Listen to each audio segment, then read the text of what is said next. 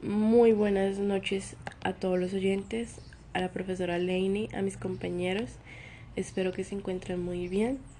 El día de hoy vengo acompañada de mi amiga Paula Spitia. Ella y yo conformamos la carrera de negocios internacionales y en este caso también la asignatura de principios de legislación. Próximamente la escucharán, pero pues por el momento me van a escuchar a mí. Tengo dos objetivos para este podcast. Quiero lograr un entendimiento fructuoso igual y de igual forma quiero lograr un entretenimiento. Yo sé que es bastante complicado hacer un entendimiento para ustedes, pero pues vamos a vamos a intentar. De igual forma espero que lo entiendan supremamente bien el tema correspondido. Primero quiero empezar con una pregunta y quiero que se la respondan allí en sus casas, en el trabajo si están también allí en, estén donde estén, en, la, en el cuarto, en, en la sala, en el jardín, en el baño, estén donde estén. Yo sé que la profesora Lainey ya tiene conocimiento sobre la respuesta a la pregunta que les voy a hacer, pero profe, piense como si no, como si no supiera la respuesta. ok, la pregunta es, ¿qué son las zonas primarias aduaneras? Piense, ¿qué son las zonas primarias aduaneras? Analicen, busquen significados en su mente, por allá en el fondo que hayan escuchado algo respecto a la aduana, por lo menos. A ver. Ok, yo siento que ya tienen un mínimo concepto. De igual forma, si no lo tienen, si no lo tienen, pues aquí se los voy a aclarar. La zona primaria aduanera es un territorio aduanero nacional habilitado por la aduana para la realización de las operaciones materiales de recepción además del mantenimiento y movilización de mercancías que entran o salen del país. Este entran o salen del país lo van a escuchar próximamente muchas veces. Bueno, para que tengan muy claro que entran y salen del país donde la autoridad ejerce restricciones, su potestad de control y vigilancia, porque como todo debe tener sus limitaciones, porque si no, entrarían productos o mercancías que generen inseguridad. Bueno, ahora les voy a hablar sobre los sitios que la constituyen. Los sitios que la constituyen son lugares habilitados para el ingreso y salida de mercancías bajo el control aduanero. Aquí están los aeropuertos, los puertos, tanto privados y públicos, los muelles y cruces de frontera. La Dirección de Impuestos y Aduanas Nacionales habilitan estas zonas primarias para el ingreso y salida de mercancías y también para el cumplimiento de formalidades aduaneras pertinentes. Ok, entonces tengan en claro que los sitios que la constituyen son aeropuerto, puertos tanto privados y públicos, muelles y cruces de frontera.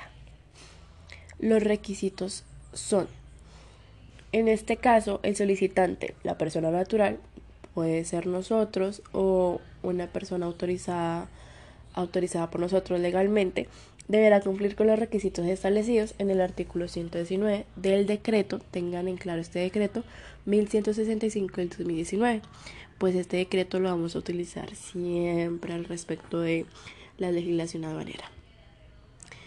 Es fundamental. Bueno, también nos permite la Unidad Administrativa Especial de Dirección de Impuestos y Aduanas Nacionales, o sea, la DIAN. Por ejemplo, uno de estos requisitos son, porque no puedo decir todos, uno de estos requisitos es la presentación de una solicitud suscrita por la persona natural o por el representante legal, lo que había dicho anteriormente, de la persona jurídica que pretende la inscripción, autorización o habilitación.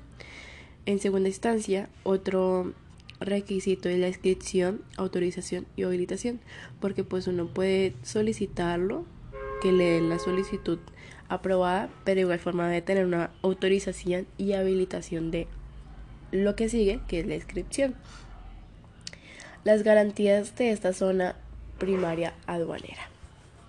La garantía global para estos puertos, lo que había dicho anteriormente también, que estos puertos o muelles públicos y privados son el monto de garantía global, primero que todo, son establecidos por el artículo 77 del decreto que les había dicho, del 1165 del 2019. Entonces las garantías son Habilitación de muelles o puertos públicos y privados. Pues las personas jurídicas que podrán obtener la habilitación por parte de la Unidad Administrativa Especial de Dirección de Impuestos y la DIAN para la entrada y salida de mercancías y viajeros bajo control aduanero determinado aduanero nacional cumpliendo con los requisitos previstos en este decreto. O sea, se refiere a que los requisitos previstos deberán ser una garantía. La siguiente. Los muelles o puertos para la entrada y salida de mercancías bajo control aduanero deberán constituir una garantía global bancaria o de compañía de seguros para asegurar el cumplimiento de sus obligaciones, por un monto máximo equivalente al 0.25% del promedio del valor CIF. El valor CIF es un costo seguro que da este. De las mercancías que se estime, que se estime serán objeto de cargue, descargue y manipulación durante un trimestre en el lugar habilitado.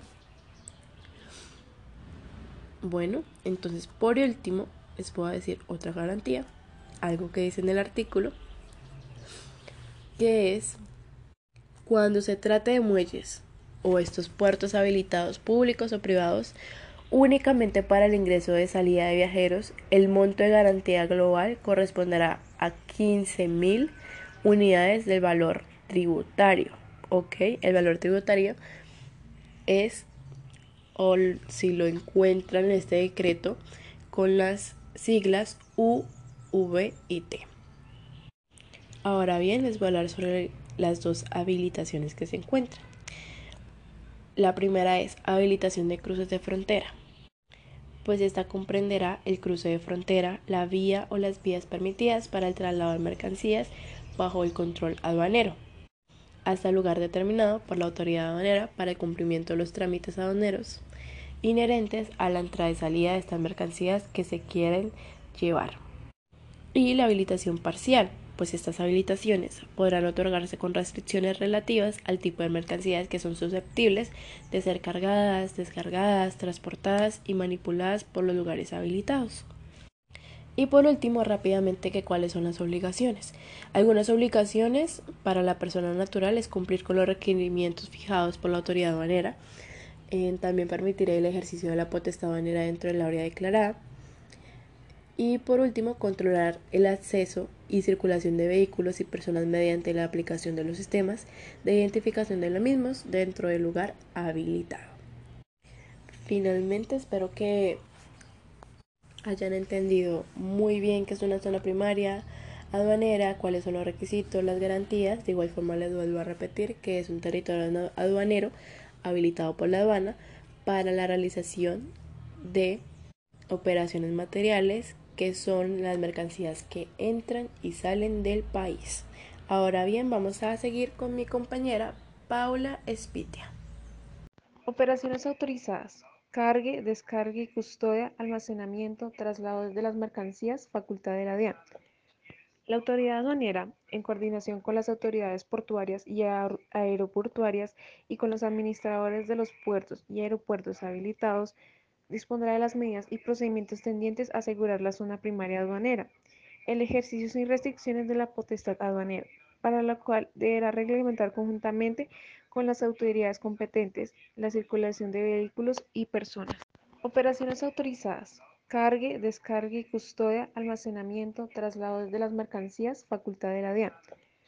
La autoridad aduanera, en coordinación con las autoridades portuarias y aeroportuarias y con los administradores de los puertos y aeropuertos habilitados, dispondrá de las medidas y procedimientos tendientes a asegurar la zona primaria aduanera, el ejercicio sin restricciones de la potestad aduanera, para la cual deberá reglamentar conjuntamente con las autoridades competentes la circulación de vehículos y personas.